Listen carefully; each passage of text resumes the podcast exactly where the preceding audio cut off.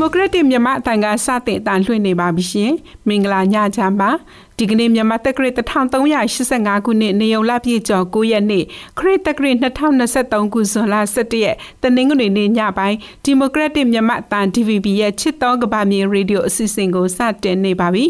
DVB ရဲ့ညပိုင်းအတန်လွှင့်အစီအစဉ်တွေကိုမြန်မာစံတော်ချိန်ည9နာရီကနေ9နာရီခွဲအထိလိုင်းတို73မီတာ kHz 1.843ညကနေထုတ်လွှင့်ပေးနေတာပါဒီကနေ့ညပိုင်းနားဆင်ရမယ့်သတင်းတွေတဲကသတင်းကောင်းစင်တချို့ကိုဒီဇူလိုင်ကဖတ်ကြားပေးမှာပါလာရှိုးမြို့နယ်မှာမိုးရွာသွန်းမှုကြောင့်လူနေအိမ်ပေါ်သို့မြေထိန်နံရန်အုပ်တိုင်းပြိုကျပြီးလူ၄ယောက်သေဆုံးသွားတဲ့တဲ့ လေပြားနဲ့ရဝုံအရှိန်ကြောင့်နေရာနဲ့မိုးကြီးပြီးဒေသတချို့လေပြင်းတိုက်နိုင်တဲ့တဲ့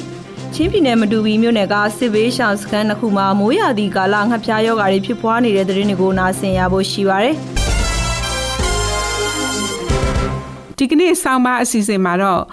ရွာမီးရှို့ခံရတာကြောင့်နေအိမ်ကနေဆုံးခွာထွက်ပြေးခဲ့ကြရပြီးစစ်ကောင်စီရန်ကင်းဝေးရာတောထဲမှာအနေအစားဆင်းရဲနေထိုင်နေကြရချိန်မမျော်လင့်တဲ့တဘာဝဘေးဒဏ်ကသူတို့ကိုဒုက္ခတွင်းတဲ့ကိုဆွဲချလိုက်ပြန်ပါတယ်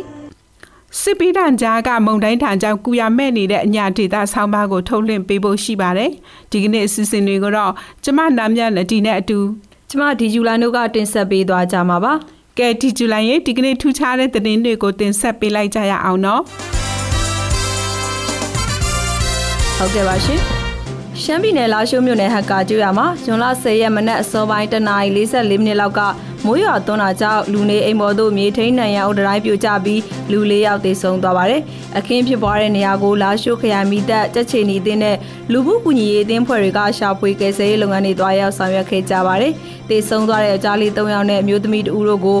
လူနာတင်ရင်နဲ့လာရှိုးပြည်သူစေယုံတို့ပို့ဆောင်ပေးခဲ့တယ်လို့မိသက်တပ်ဖွဲ့ကသတင်းထုတ်ပြန်ထားပါတယ်။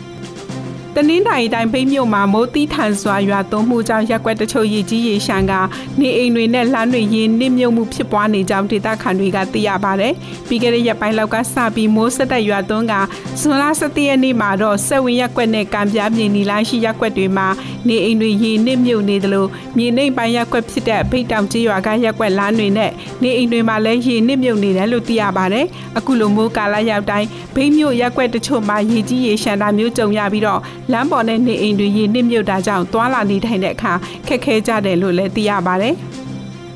ဘင်္ဂလားဒေ့ရှ်နိုင်ငံရှေ့တောင်ပိုင်းမှာဖြစ်ပေါ်ခဲ့တဲ့အားကောင်းတဲ့လီဘီယာနဲ့ယဝန်ဟာတာမဲလီဘီယာနဲ့ယဝန်အဖြစ်ကိုအာရော့သွားခဲ့ပြီးဖြစ်တယ်လို့မိုးစလဌာနကဒီကနေ့မနက်ထုတ်ပြန်ပါတယ်။ဒါပေမဲ့ဘင်္ဂလားပင်လယ်ပြင်နဲ့ဘင်္ဂလားပင်လယ်အော်တို့မှာမုတ်တုံလေးအားကောင်းရာမှာအားလွန်ကောင်းနေလို့ဘင်္ဂလားပင်လယ်အော်မှာနောက်ထပ်လီဘီယာနဲ့ယဝန်တစ်ကြိမ်ဖြစ်နိုင်တယ်လို့လည်းမိုးစလဌာနကထုတ်ပြန်ထားပါတယ်။ မြန်မာနိုင်ငံအပါအဝင်ယူကရိန်း၊ဆီးရီးယား၊အာဖဂန်နစ္စတန်နိုင်ငံတွေဟာပဋိပက္ခတဲ့သဘာဝဘေးအန္တရာယ်တွေကိုတပြိုင်တည်းခံစားနေရတဲ့နိုင်ငံတွေဖြစ်တာကြောင့်လူသားချင်းစာနာထောက်ထားမှုဆိုင်ရာအကူအညီတွေလိုအပ်နေတယ်လို့ကုလသမဂ္ဂလူသားချင်းစာနာမှုဆိုင်ရာညှိနှိုင်းရေးမှူးရုံးရဲ့လက်ထောက်တွင်ရင်မှုချုပ်အမ်ဆူရာကပြောကြားပါတယ်ကမ္ဘာတဝမ်းမှာလက်နက်ကင်ပဋိပက္ခတွေနဲ့တဘာဝဘေးအန္တရာယ်တွေကြောင့်ကမ္ဘာလူဦးရေရဲ့900ခန့်လောက်ကကြီးမားတဲ့လူသားချင်းစာနာမှုဆိုင်ရာအကျက်တဲတွေဖြစ်ပေါ်နေပါတယ် မေလကဖြစ်ပွားခဲ့တဲ့မိုခါဆိုင်ကလုန်းမုန်တိုင်းကြောင့်မြန်မာနိုင်ငံမှာပျက်စီးသွားတဲ့ဒေသတွေအတွက်နိုင်ငံတကာရဲ့ကူညီကြိုးပမ်းမှုတွေကိုမြန်မာစစ်အာဏာရှင်တွေကဟန်တာခဲ့တယ်လို့လည်းကုလသမဂ္ဂကထုတ်ပြန်ထားပါတယ်။ချင်းပြည်နယ်မတူပင်မြို့နယ်ကစစ်ဘေးရှောင်စခန်းတစ်ခုမှာမိုးရသည့်ကာလငှက်ဖျားယောဂဖြစ်ပွားသူ20ကျော်ထိရှိနေပြီးစေဝါတွေလိုအပ်နေတယ်လို့မတူပီ CTFC ကသိရပါဗျ။စစ်ဘေးရှောင်စခန်းတစ်ခုမှာမတူပီမြို့နယ်တွင်းကကျေးရွာ9ရွာဒေသခံပြည်သူ1200ကျော်ခိုလုံနေကြတာဖြစ်ပြီး ဆယ်ရက်တွင်းငှက်ဖျားယောဂဖြစ်ပွားသူ20ကျော်ရှိနေတယ်လို့ပြောပါတယ်။စစ်ဘေးရှောင်စခန်းတွင်မိုးရာသီကာလငှက်ဖျားအပြင်တွလွန်တုပ်ကွေးယောဂပါဖြစ်ပွားနေပြီးဆေးဝါးလိုအပ်ချက်တွေရှိနေတဲ့အပြင်ကျန်းမာရေးစောင့်ရှောက်မှုပေးရမှာအခက်အခဲတွေဖြစ်နေတယ်လို့ယောဂဖြစ်ပွားသူပုံမများပြားလာမှာကိုစိုးရိမ်နေကြတယ်လို့စစ်ဘေးရှောင်တွေကပြောပါတယ်။ မိုခါမုန်တိုင်းကြောင့်ဖုန်းလိုင်းတွေနဲ့လျှက်စစ်မီးတွေပြတ်သွားခဲ့တဲ့ရခိုင်ပြည်နယ်မှာမိုဘိုင်းတယ်လီဖုန်းဆက်သွယ်ရေးလွှမ်းခြုံနိုင်မှု68ရာခိုင်နှုန်းပြန်ရနေပြီးလျှက်စစ်တပ်အားကလည်းစစ်တွေမြို့ပေါ်ရက်ွက်တွေမှာ56ရာခိုင်နှုန်းနဲ့ ပုံနှကျိုးမျိုးပေါ်ရက်ွက်တွေမှာအလုံးပြန်ရနေပြီလို့စစ်ကောင်စီကသတင်းထုတ်ပြန်ပါတယ်။မုံတိုင်းကြောင့်ထိခိုက်ရတဲ့အဆောက်အုံပြင်ဆင်ပြည်စည်းမှုအနေနဲ့ရခိုင်ပြည်နယ်မှာကျန်းမာရေးအတွက်48ရာခိုင်နှုန်းပညာရေးအတွက်65ရာခိုင်နှုန်းရှိတယ်လို့လည်းစစ်ကောင်စီလက်အောက်ခံတဘာဝဘေးအန္တရာယ်စီမံခန့်ခွဲမှုဌာနကထုတ်ပြန်ပါတယ်။မိုခါမုံတိုင်းကြောင့်သေဆုံးသူ148ဦးဒဏ်ရာရသူ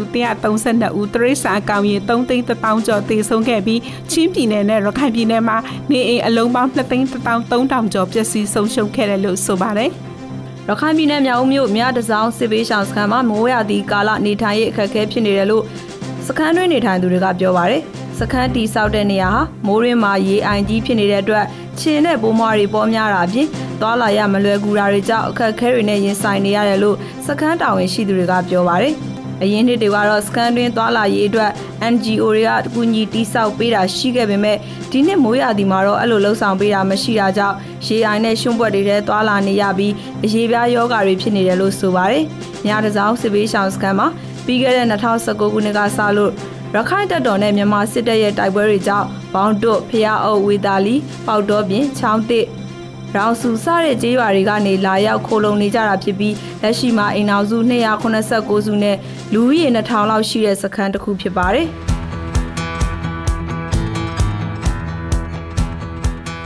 တော်တာရှင်များရှင်အခုဆက်လက်ပြီးမိုးလေဝသသတင်းတွေကိုတင်ဆက်ပေးမှာဖြစ်ပါတယ်။ မင်္ဂလာပါရှင်။ဇွန်လ17ရက်နေ့အတွက်မူလဝတ္တခမန်းချက်တွေကိုတင်ဆက်ပေးတော့မှာဖြစ်ပါတယ်။ဒီကနေ့မနက်ပိုင်းထိုင်းရရှိထားတဲ့ကျွန်တော်တို့တိမ်ပေါင်းကြည့်မယ်ဆိုရင်တော့ဘင်္ဂလားဒေ့ရှ်နိုင်ငံရှေ့တောင်ပိုင်းမှာဖြစ်ပေါ်ခဲ့တဲ့အားကောင်းတဲ့လေပြင်းနဲ့ရောင်ဟာလေပြင်းနဲ့ရောင်ဝဖြစ်ကိုအာရုံသွားခဲ့ပြီးဖြစ်ပါတယ်။ကမ္ဘာပင်လယ်ပြင်နဲ့ဘင်္ဂလားပင်လယ်အော်တို့မှာမုတ်တုံတွေအားကောင်းရာနဲ့အားလုံကောင်းနေပါတယ်။မနက်ဖြန်ညနေအထိမိုးလေဝသခန့်မှန်းချက်တွေနေနေရတော့မုတ်တမကွေမိုးနဲ့တင်းတိုင်းကဲမရန်ရှောင်းနဲ့ကမ်းလွန်ပင်လယ်ပြင်တို့မှာ တခါတရံမိုးတက်လေပြင်းတွေကြာရောက်ပြီးတော့လှိုင်းကြီးနိုင်ပါတယ်မိုးတက်လေပြင်းကြာနေတဲ့အချိန်မှာရေပြင်းမြေပြင်းလေးရတနာရောမိုင်လေးစိတ်နှုံတက်ခတ်နိုင်ပါတယ်လှိုင်းမြင့်နေနေနေရတော့မုတ်တမောက်ကွေမိုးနဲ့တင်းတိုင်းကဲမရန်ရှောင်းနဲ့ကမ်းလွန်ပင်လယ်ပြင်တို့မှာ9ပေကနေ12ပေလောက်ထိမြင့်တက်နိုင်ပါတယ်ရခိုင်ကဲဝမ်းရှောင်းနဲ့ကမ်းလွန်ပင်လယ်ပြင်တို့မှာ9ပေကနေ9ပေထိမြင့်တက်နိုင်တယ်လို့ခန့်မှန်းထားပါတယ်ရှင်။မိုးတိမ်နှောင်ဖြစ်ပေါ်နိုင်မှုခန့်မှန်းချက်တွေနေရတော့ စကိုင်းတိုင်းထပ်ပိုင်းရန်ကုန်တိုင်းရာရီတိုင်းနဲ့ကချင်ပြည်နယ်တို့မှာမိုးတိမ်နှောင်တွေဖြစ်ထွန်းမှုအကောင်းနေပြီးတော့အဆိုပါမိုးတိမ်နှောင်တွေရေရှားတဲ့နေရာရှောင်းမှာမိုးရွာသွန်းခြင်းနဲ့အတူလေပြင်းတိုက်ခတ်ခြင်းမိုးထချုံခြင်းမိုးကြိုးပစ်ခြင်းရန်စည်းလက်ခြင်းနဲ့မိုးတိတွေ့ခြင်းစတဲ့မိုးလေဝသဖြစ်စဉ်တွေဖြစ်ပေါ်နိုင်တဲ့အတွက်ကြောင့်ကြိုတင်သိဖို့နေထိုင်ကြဖို့အတွက်အကြံပြုအပ်ပါတယ်ရှင်။မိုးရွာသွန်းနိုင်မှုခံမှန်းချက်တွေနေနေရတော့စကိုင်းတိုင်းအောက်ပိုင်းမန္တလေးတိုင်းမကွေးတိုင်းကယားပြည်နယ်တို့မှာနေရာကျကျ နေပြီးတော့ပဲခူးတိုင်းကရင်ပြည်နယ်တို့မှာနေရာစစ်စိတ်၊ကြံပြည်နယ်နဲ့တိုင်းတွေမှာနေရာနှံပြမိုးထချုံနိုင်ပါတယ်။တနင်္လာရီတိုင်းမှာဒေသအလိုက်နဲ့စကိုင်းတိုင်းထပ်ပိုင်းရန်ကုန်တိုင်းကချင်ပြည်နယ်မွန်ပြည်နယ်တို့မှာနေရာကွက်ပြီးမိုးကြီးနိုင်တယ်လို့ခန့်မှန်းထားပါရရှင်။နေ့ပူချိန်ခန့်မှန်းချက်တွေကတော့အမြင့်ဆုံးပူချိန်အနေနဲ့မကွေးတိုင်းမှာ40ဒီဂရီစင်တီဂရိတ်ဝန်းကျင်လောက်ထိမြင့်တက်နိုင်ပါရရှင်။ဆက်လက်ပြီးတော့နေပြီးတော့ရန်ကုန်မြို့နယ်မန္တလေးမြို့တို့နဲ့ဤတဝိုင်းမနက်ဖြန်ညနေအထိခန့်မှန်းချက်တွေကတော့ နေရာကွက်ကြားမိုးထချုံရနိုင်တယ်လို့ခန့်မှန်းထားပါရရှင်။ကျေးဇူးများတင်ပါတယ်ရှင်။မိုးလျဝသသတင်းတွေကိုနားဆင်ခဲ့ကြရတာပါ။တောသားရှင်များရှင်အခုဆက်လက်ပြီးသတင်းပို့ချက်တွေကိုထုတ်လွှင့်ပေးတော့မှာမို့ဒီဇူလိုင်ရေပြောပြပေးပါအောင်ဟုတ်ကဲ့ပါရှင်ဘင်္ဂလားပင်လယ်ော်အရှေ့မြောက်ပိုင်းမှာဖြစ်ပေါ်နေတဲ့အားကောင်းတဲ့လေဖိအားနဲ့ရဝန်းအရှိန်ကြောင့်ရခိုင်ကမ်းရိုးတန်းမှာဖြစ်နိုင်တဲ့မိုးလေဝသအခြေအနေတွေနဲ့ပတ်သက်ပြီးဇွဲတစ်ကသတင်းပေးပို့ထားပါတယ် ဘင်္ဂလားပင်လယ်ော်အရှေ့မြောက်ပိုင်းမှာဖြစ်ပေါ်နေတဲ့အားကောင်းတဲ့လေဖိအားနဲ့ရဝန်းဟာဘင်္ဂလားပင်လယ်အရှေ့မြောက်ပိုင်းနဲ့ဆက်ဆက်နေတဲ့ဘင်္ဂလားဒေ့ရှ်နိုင်ငံအရှေ့တောင်ပိုင်းကမ်းခြေမြန်မာနိုင်ငံရခိုင်ကမ်းရိုးတန်းမြောက်ပိုင်းတို့မှာဆက်လက်တည်ရှိနေတယ်လို့မိုးစလဌာနကဇွန်လ10ရက်မနက်ပိုင်းမှာထုတ်ပြန်ပါတယ်။ အကောင့်နဲ့လေပြားနဲ့ရဝန်းအရှိန်ကြောင့်ဇွန်လ10ရက်မနက်ပိုင်းကနေဇွန်လ17ရက်အထိရခိုင်ကမ်းရိုးတန်းတစ်လျှောက်နဲ့ကမ်းလွန်ပင်လယ်ပြင်တို့မှာတခါတရံမိုးသက်လေပြင်းကြောက်ကလိုင်းကြီးနိုင်ပြီးရေပြင်မြေပြင်လေကတနအီမိုင်40ကနေ45လောက်အထိတိုက်ခတ်နိုင်တယ်လို့မိုးစလဌာနကသတိပေးထားပါတယ်။ရခိုင်ပြည်နယ်မြောက်ပိုင်းဘူးတိတောင်ဘက်မှာဇွန်လ9ရက်ညနေပိုင်းကလေပြင်းအနှဲငယ်တိုက်ခတ်သွားပြီးလက်ရှိအခြေအနေကတော့မိုခါမုန်တိုင်းလို့စိုးရိမ်စရာမရှိဘဲမုန်တိုင်းသတိပေးကြေညာချက်အထွေထူးမရှိဘူးလို့ဒေသခံတယောက်ကပြောပါတယ်။ မုန်တိုင်းကပြန်တော့ပြီတဲ့မရှိတော့ဘူးအဲ့ဒီလိုလိုပြောလိုက်ကြတယ်။မင်းညာနေနေတိုက်တယ်လေပြင်းညာနေပဲလေပြင်းနေနေကတိုက်ပေါ်တယ်။ခုရပဲကူကမိုးရတယ်နေနေနေတိုက်တယ်။မုန်တိုင်းတတိပိရှိတယ်ဘာမှမရှိဘူးပထမ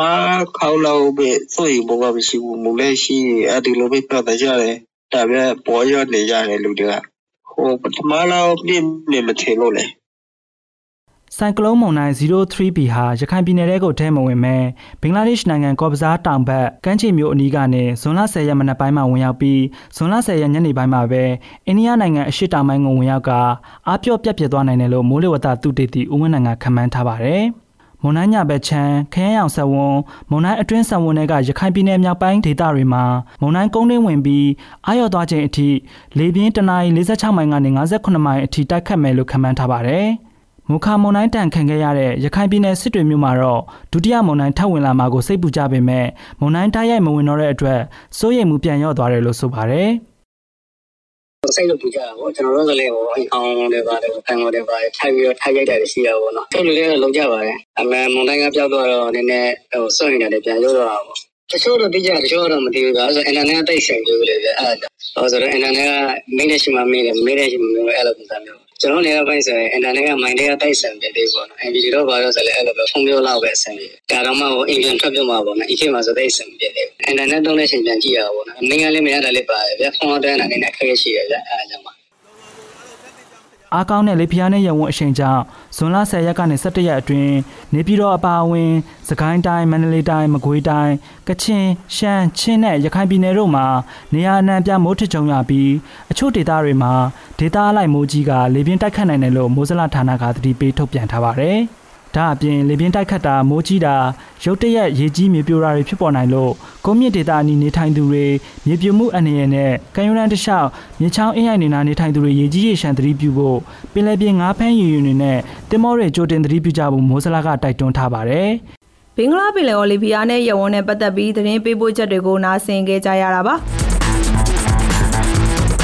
စစ်ကောင်စီကမုံတိုင်းတန်တဲ့ရခိုင်ပြည်နယ်ရဲ့ကုညီကယ်ဆယ်ရေးတွေလှုပ်ဆောင်နေတဲ့နိုင်ငံတကာနဲ့ရပ်ဘက်အဖွဲ့တွေအားလုံးကိုခရီးသွားလာခွင့်ပိတ်ပင်တာဟာနိုင်ငံရေးအကျိုးမြတ်ရှာဖွေတာဖြစ်တယ်လို့ရပ်ဘက်အဖွဲ့တွေနဲ့နိုင်ငံရေးလေ့လာသူတွေကဝေဖန်ပါတယ်။ဒီသတင်းကိုဝေဝေပေးပို့ထားပါတယ်။စစ်ကောင်စီကခရီးတော်လာခွင့်ပြုထားခြင်းအားရဆိုင်ထားဖို့ကိစ္စပါရည်ညွှန်းစာကိုဇွန်လ10ရက်နေ့မှာရခိုင်ပြည်နယ်အစိုးရရုံးတွေကိုရုံးနှင်းစာအနေနဲ့ပေးပို့ထားတယ်လို့သိရပါဗျ။ အဲ့ဒီပေးပို့ချက်စာကအမှန်တကယ်ဖြစ်ကြောင်းနဲ့နိုင်ငံတကာနဲ့ရပ်ဖက်ဖွဲ့တွေအားလုံးကိုထိန်းချုပ်ပြီးနိုင်ငံရေးအကျိုးမြတ်ရှာဖွေနေတာဖြစ်တယ်လို့လူမှုကယ်ဆယ်ရေးလုပ်ငန်းတွေလှုပ်ဆောင်နေတဲ့အရပ်ဖက်အဖွဲ့တစ်ခုရဲ့တာဝန်ရှိသူတယောက်က TVB ကိုအတည်ပြုပြောပါတယ်။ source ကတော့ compound ဖြစ်တယ်လို့ပြောလို့ရတယ်။အဲအောက်ခြေမှာကျအခုလက်လောထွက်လာတယ်ဆိုတော့ဒီမြေပြင်မှာအနေထားကြတယ်လို့ရှိနေတစ်ချက်တော့ကြည့်ရမယ်။ကျွန်တော်တို့ကတော့မြင်တာကတော့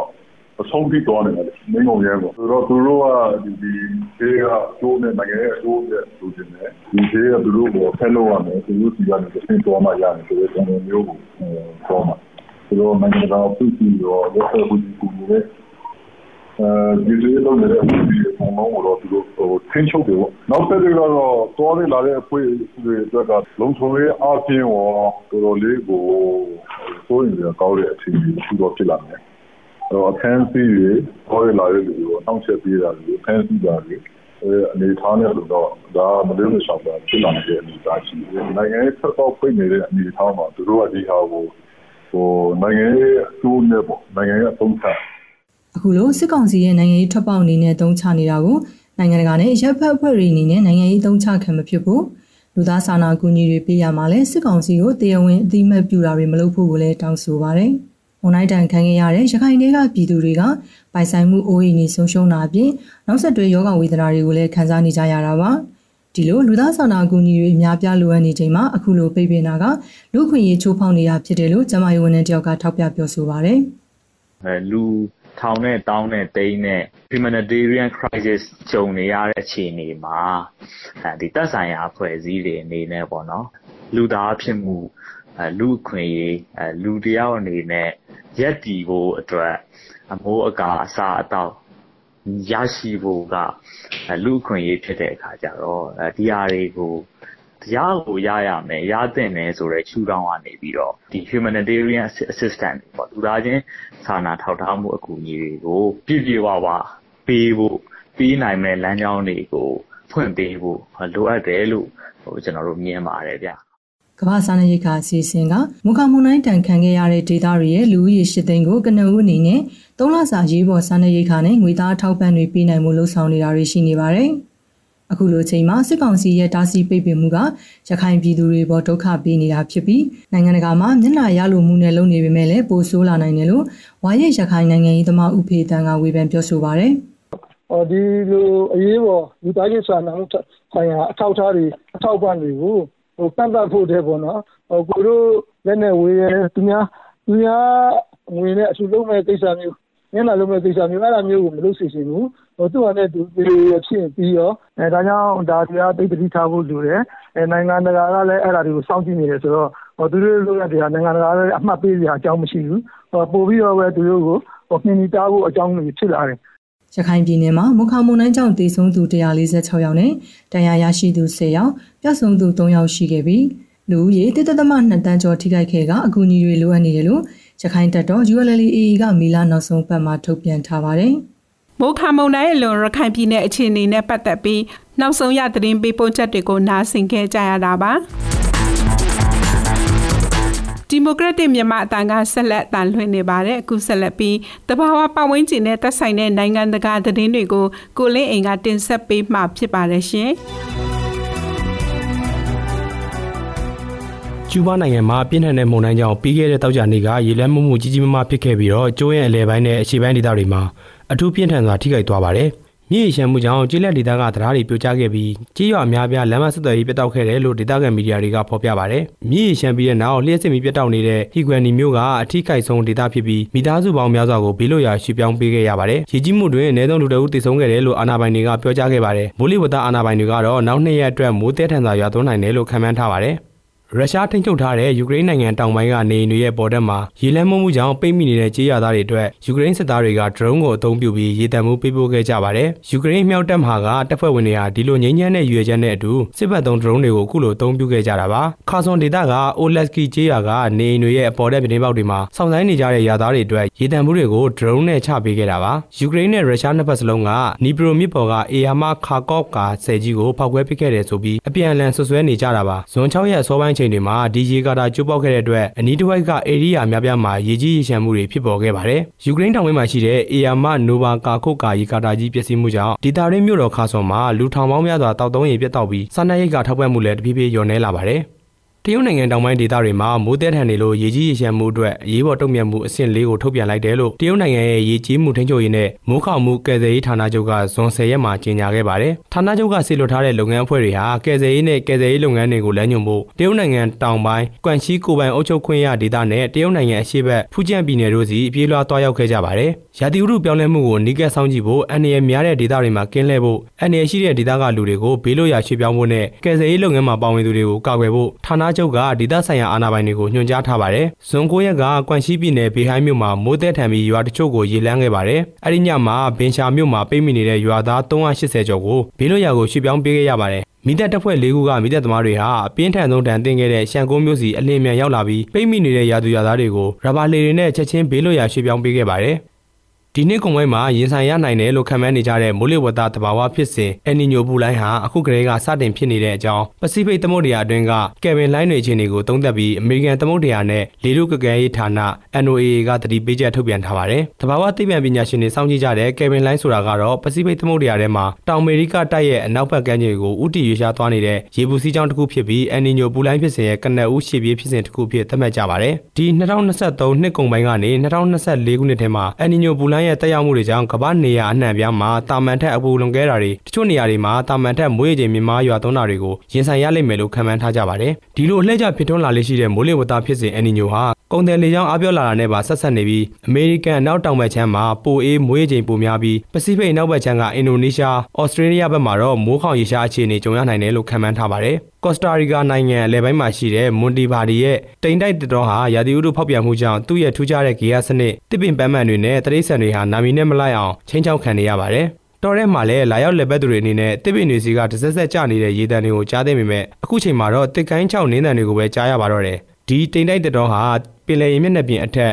4600ပေနဲ့ဆန်ညွတ်မြို့တော်ရဲ့အနောက်ဘက်86မိုင်ကွာမှာတည်ရှိပြီးပုတ်ကလိကသဘာဝထိန်းသိမ်းရေးနယ်မြေဧက3500ကျော်ကျယ်ဝန်းကနို့တိုက်တတဝါမျိုးစိတ်100ငှက်မျိုးစိတ်440နဲ့ကုန်းနေရင်နေတတဝါအမျိုးအစား1200တို့ရဲ့ဌာနလည်းဖြစ်ပါတယ်နိုင်ငံတကာသတင်းတွေကိုနားဆင်ကြကြရတာပါ မုတ်တုံရာသီအတွင်းရေလွှမ်းမိုးမှုအန္တရာယ်ကနေကြိုတင်ကာကွယ်နိုင်ဖို့နဲ့ရေကြီးရေရှာမှုတွေကိုကြိုတင်ပြင်ဆင်ထားနိုင်ဖို့အတွက်ကမ္ဘာ့ကျန်းမာရေးအဖွဲ့ WHO ရဲ့အကြံပြုချက်တွေကိုလည်းထုတ်လွှင့်ပေးမှာဖြစ်ပါတယ်။နားဆင်နိုင်ပါပြီရှင်။မုတ်တုံရာသီမှာရေလွှမ်းမိုးမှုကြောင့်ဘေးလွတ်ရာသို့ရွှေ့ပြောင်းရမှာစကန်းယာယီအဆောက်အဦများတွင်ဖော်ပြပါချက်တွေကိုလိုက်နာဆောင်ရွက်တင်ပါတယ်။ တကူရင်သုံးပစ္စည်းများခွက်ပကံဆက်ပြားမျက်နှာတုပ်ပွားစသည်တို့ကိုမျှဝေသုံးစွဲခြင်းကိုရှောင်ခြင်းပါဖျားခြင်း၊ချောင်းဆိုးခြင်း၊လေချောင်းနာခြင်းသို့မဟုတ်အသက်ရှူမဝခြင်းတို့ဖြစ်ရင်သက်ဆိုင်ရာစခန်းတာဝန်ခံဝန်ထမ်းများကိုချက်ချင်းကြောင်းကြပါလက်တန့်ရှင်းရေးနဲ့အသက်ရှူလမ်းကြောင်းဆိုင်ရာတန့်ရှင်းရေးတို့ကိုအမြဲထိမ့်သိမ်းလိုက်တာပါရေလွှမ်းမှုမှုအန္တရာယ်ကြိုတင်ကာကွယ်အကြံပြုချက်တွေကိုထုတ်လွှင့်ပေးခဲ့တာပါ။ ဝဘေးသတင်းတွေပြန်လည်ထူထောင်ရေးနဲ့ကုညီကယ်ဆယ်ရေးနဲ့ဆိုင်တဲ့အကြောင်းအရာတွေကိုထုတ်လွှင့်ပေးနေတဲ့ဒီမိုကရက်တစ်မြန်မာအတန်တီဗီရဲ့ချစ်တော်ကဘာလေးရေဒီယိုတံတွေအထူးအစီအစဉ်ကိုစတင်ထုတ်လွှင့်ပေးပါပြီ။ဒီအစီအစဉ်ကိုမြန်မာစံတော်ချိန်ည9:00နာရီကနေ9:00နာရီခွဲအထိလိုင်းတူ73မီတာ kHz 1384ညကနေဖမ်းယူနားဆင်နေတဲ့အကြောင်းအတိပေးကြေညာအပ်ပါတယ်ခင်ဗျာ။ တော်သားရှင်များရှင်ကူဆက်လက်ပြီးဆောင်းပါအစီအစဉ်တင်ဆက်ပေးဖို့ဖြစ်ပါတယ်ရှင်။ Honest Information website မှာဖော်ပြထားပြီးစောင်းပါရှင် Davy ရေးသားထားတဲ့စစ်ပေးတံကြားကမုံတိုင်းတံကြောင့်ကုရမဲ့နေတဲ့အညာဒေသအဆောင်းပါကိုထုတ်လွှင့်ပေးမှာဖြစ်ပါတယ်။နော်နိုရင်းကဖတ်ကြားပေးထားတာပါ။ တော့ခက်ကြကြမ်းတိုက်ခိုက်ခဲ့တာကြောင့်ရိုင်နေပြီးကျိုးသွားတဲ့တဲလေးကိုပြန်ပြင်ဆင်နေပေမဲ့မက်ဆွေရဲ့စိတ်ထဲမှာတော့ဝမ်းနဲ့စိတ်ကကြီးစိုးနေပါတယ်။စစ်ဘေးရှောင်နေရတာကြောင့်ယာယီနေထိုင်လို့ရရုံဆောက်လုပ်ထားတဲ့တဲလေးကမုံတိုင်းရှည်နဲ့ရွာတဲ့မိုးတံကြောင့်အမိုးကာတွေကျွေလွင့်တိုင်တွေကျိုးနဲ့မပြိုယုံတမဲကြံခဲ့လို့စိတ်ဒုက္ခရောက်နေရပေမဲ့ဒီထက်ပိုဆိုးရတာကတော့စိုက်ပျိုးထားတဲ့လယ်မြေတွေအကုန်ဆုံးရှုံးသွားတာပါ။ ရွာမီးရှို့ခံရတာကြောင့်နေအိမ်ကနေဆွန့်ခွာထွက်ပြေးခဲ့ကြရပြီးစစ်ကောင်စီရန်ကင်းဝေးရာတောထဲမှာအနေအစားဆင်းရဲနေထိုင်နေကြရချိန်မမျော်လင့်တဲ့တဘာဝဘေးဒဏ်ကသူတို့ကိုဒုက္ခတွင်းတဲ့တဲ့ကိုဆွဲချလိုက်ပြန်ပါတယ်စစ်ကောင်စီကိုတော်လှန်နေတဲ့မြန်မာနိုင်ငံလယ်ပိုင်းကပြည်သူတွေမှာစစ်ဘေးကြောင့်ဒုက္ခအခက်အခဲတွေကြားနေထိုင်နေရတဲ့အပြင်မမျှော်လင့်မဲ့ရောက်လာတဲ့သဘာဝဘေးအန္တရာယ်ကြောင့်ဒုက္ခဆင်းရဲတွေပိုတိုးလာပါတယ်။ မြန်မာနိုင်ငံအလဲပိုင်းဒေသတွေဖြစ်တဲ့စကိုင်းနဲ့မကွေးမြို့နယ်တွေမှာဆိုင်ကလုန်းမုန်တိုင်းတိုက်ခတ်ခဲ့တာကြောင့်မိုးကြီးရေလွှမ်းမှုတွေကြုံခဲ့ရပြီးနေအိမ်တွေရုတ်တရက်ပြောင်းရွှေ့ရတာလေကွင်းတွေရေနှင်းမြောက်တာစိုက်ပျိုးသီးနှံတွေဆုပ်ရှုံးတာတွေနဲ့ပြည်သူတွေမှာအပူပေါ်အပူဆင်းခဲ့ရပါတယ်ဒီလိုပြည်သူတွေထဲမတ်ဆွေတို့မိသားစုကလည်းပါဝင်ပါတယ်စစ်ကောင်စီကစစ်ကြောင်းထိုးပြီးရွာကိုမီးရှို့ခဲ့တာကြောင့်ရွာလုံးကျွတ်တိမ်းရှောင်ခဲ့ရတာဟာ2022ခုနှစ်နိုဝင်ဘာလကတည်းကဖြစ်ပါတယ်။ စစ်ကောင်စီရန်ကြောင့်အိမ်မပြန်နိုင်သေးပဲတောထဲမှာတဲထိုးပြီးဖြစ်သလိုစားတောက်နေထိုင်ရချိန်မုခမွန်တိုင်းတက်ခတ်ချိန်မှာသူတို့နေထိုင်ရတဲ့တဲတွေလည်းရိုင်နဲ့လှဲပြူမိုးကြီးလို့ဘဲမှမသွားမလာနိုင်ပဲ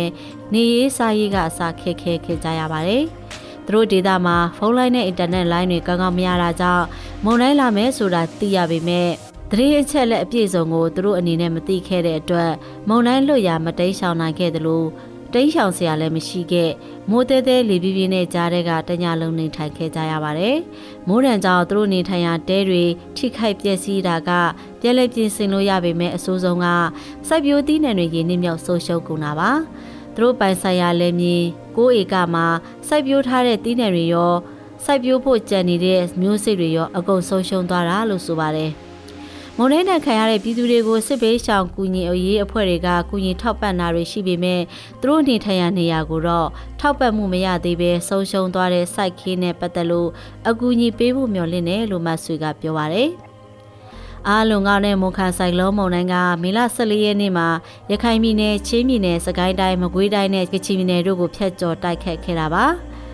မုံနဲနံကြောင့်စကိုင်းတိုင်းကမြို့နယ်73ခုမှာစိုက်ပျိုးမြေဧက4သိန်း2000ကျော်ပျက်စီးခဲ့ရပြီးမကွေးတိုင်းကမြို့နယ်17ခုမှာစိုက်ပျိုးမြေနေရာ18ဧကပျက်စီးခဲ့ပါတယ်။မွန်တိုင်းကြောင့်ထိခိုက်သေးဆုံးဥယေကမကွေးတိုင်းမှာ15ဦးနဲ့စကိုင်းတိုင်းမှာ4ဦးရှိခဲ့တယ်လို့ NUG ကထုတ်ပြန်ထားပါတယ်။စစ်ကောင်စီကိုတော်လှန်နေတဲ့သူတို့ဒေသကိုမနှစ်တုန်းကစစ်ကြောင်းထိုးလာစဉ်တူလောင်ထားတဲ့စပားတွေမျိုးစေ့တွေ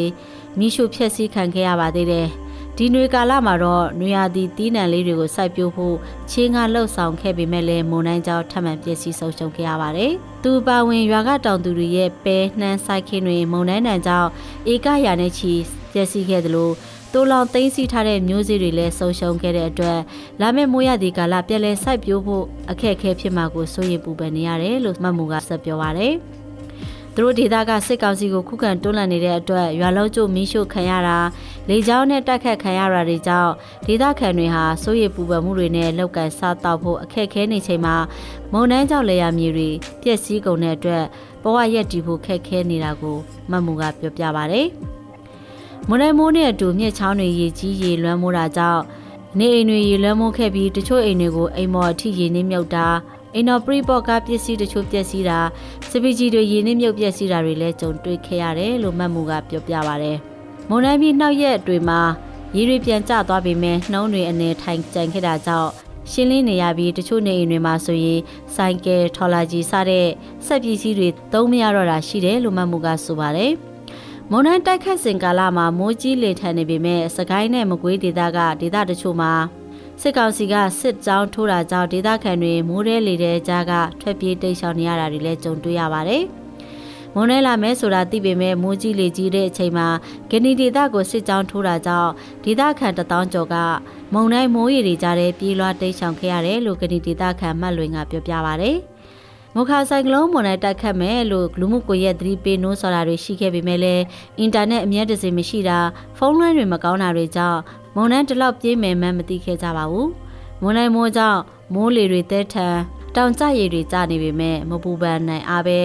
စစ်ဘေးရှောင်ရတဲ့အထိဒုက္ခရောက်ခဲ့ရတယ်လို့မဲ့လွင်ကဆက်ပြောပြပါဗျ။ရမဘီမြို့နယ်မှာလည်းမွန်နိုင်ကြောင့်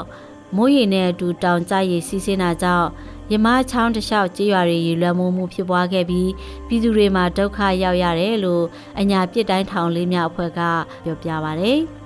မွန်တိုင်းမွေခင်တဲ့ဝေမီရက်တွေမှာရက်ဆက်တီးထန်စွာရွာသွန်းတဲ့မိုးကြောင့်ရေက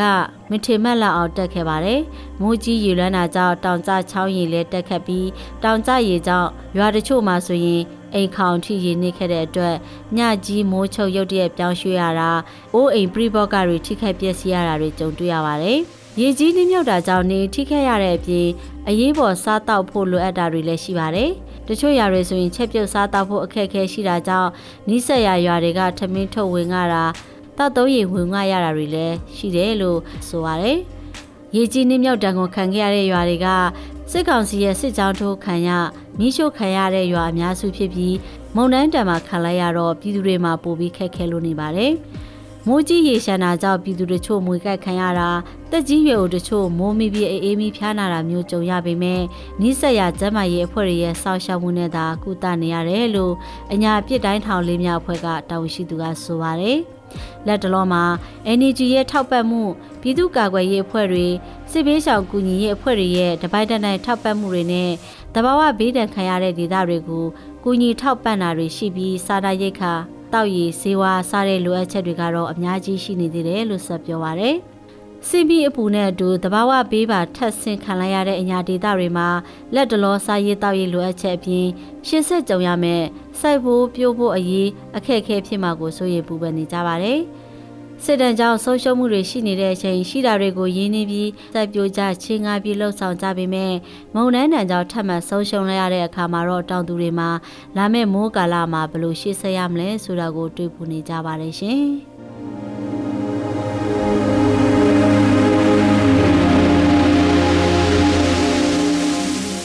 စစ်ပေးတံကြားကမုံတိုင်းထံကြောင့်ကုရမဲ့နေတဲ့အညာဒေတာဆောင်းပါးကိုနားဆင်ခဲ့ကြရတာပါ။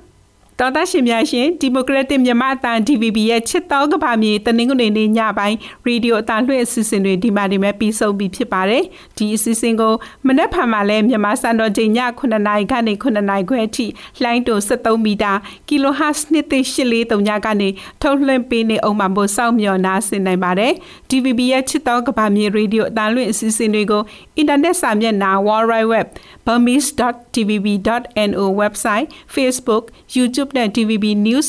Podcast Channel Spotify, Apple နဲ့ Google တို့မှာလည်း smartphone ကနေသစင်နားဆင်နိုင်တဲ့အကြောင်းသတင်းကောင်းပါအပ်ပါတယ်။